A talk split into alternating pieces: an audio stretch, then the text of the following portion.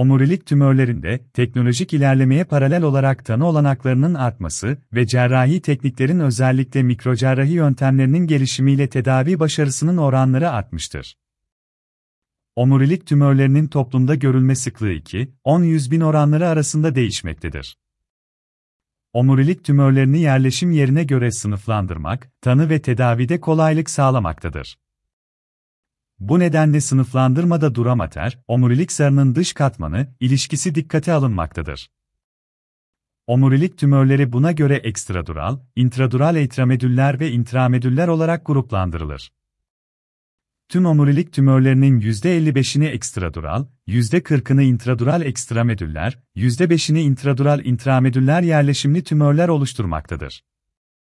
Ekstradural tümörlerin büyük bölümünü metastatik tümörler, geri kalanını ise primer omurilik tümörleri oluşturur, ekstramedüller omurilik tümörlerinin büyük bölümünü nörofibroma ve menengioma oluşturur. İntramedüller omurilik tümörlerinin %90'ını epandimom, astrositom ve hemangioblastom oluşturur.